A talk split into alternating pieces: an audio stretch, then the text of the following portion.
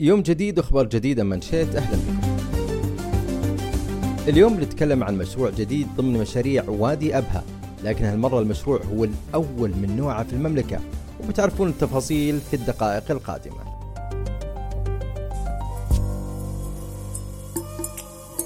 عسير تسابق المستقبل بمشروع جديد ينطلق تحديدا من أبها البهية باسم شركة آردارا وهي إحدى شركات التطوير العقاري المملوكة بالكامل لصندوق الاستثمارات السعودي وتهدف إلى تطوير مشروع وادي أبها وتحقيق مستهدفات التنوع الاقتصادي والنمو الشامل في المنطقة. خلونا نستعرض معكم المشروع بالأرقام.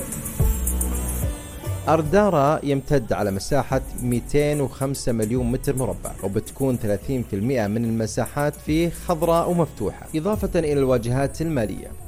واللي يميز هذا المشروع أنه بيكون 16 كيلو متر إلى 17 كيلو متر مخصصة للمسارات الرياضية والأنشطة الثقافية والمجتمعية وبيضم الوادي 2000 وحدة سكنية و1900 غرفة فندقية مطلة على الواجهات المائية. وبيضيف هذا المشروع للناتج المحلي غير النفطي أكثر من 19 مليار ريال سعودي والآلاف من فرص العمل لأبناء المنطقة وسكانها بحلول 2030 بإذن الله. طبعا مشروع اردارا يعتبر الأول من نوعه لأن أول وجهة في المملكة تجمع بين سحر الطبيعة الخلابة وجمال الإطلالات المائية الأخاذة، وكذلك تفاصيلها المميزة اللي تاخذ الطابع الهندسي والعمراني المستوحى من تراث عسير وتاريخها العريق، وبيكون في خيارات سكنية وجهات ترفيهية وسياحية وزراعية بالإضافة للمطاعم والمقاهي والمحلات التجارية. وبكذا بتكون أبها مركز حضاري فيه العديد من المشاريع السباقة اللي تراعي معايير الاستدامة.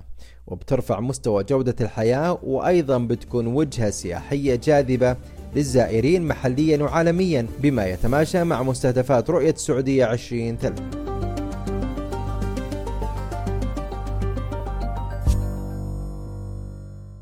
الآن نستعرض معكم كالمعتاد أبرز الفعاليات والأحداث التي تقام في المملكة من خلال فعاليات معرض من حولهم التشكيلي يعيش الزوار تجربة استثنائية عن الفن السعودي وثنايا هويته الثقافية على مدى ثلاثة عقود ولباقي التفاصيل حملوا تطبيق مانشيت من خلال أبل ستور وجوجل بلاي وتتعرفون على المزيد من الفعاليات وأيضا الأحداث التي تقام في المملكة. إلى هنا نكون وصلنا لختام مانشيت لهذا اليوم وعدنا نتجدد معكم غدا بإذن الله مع السلامة.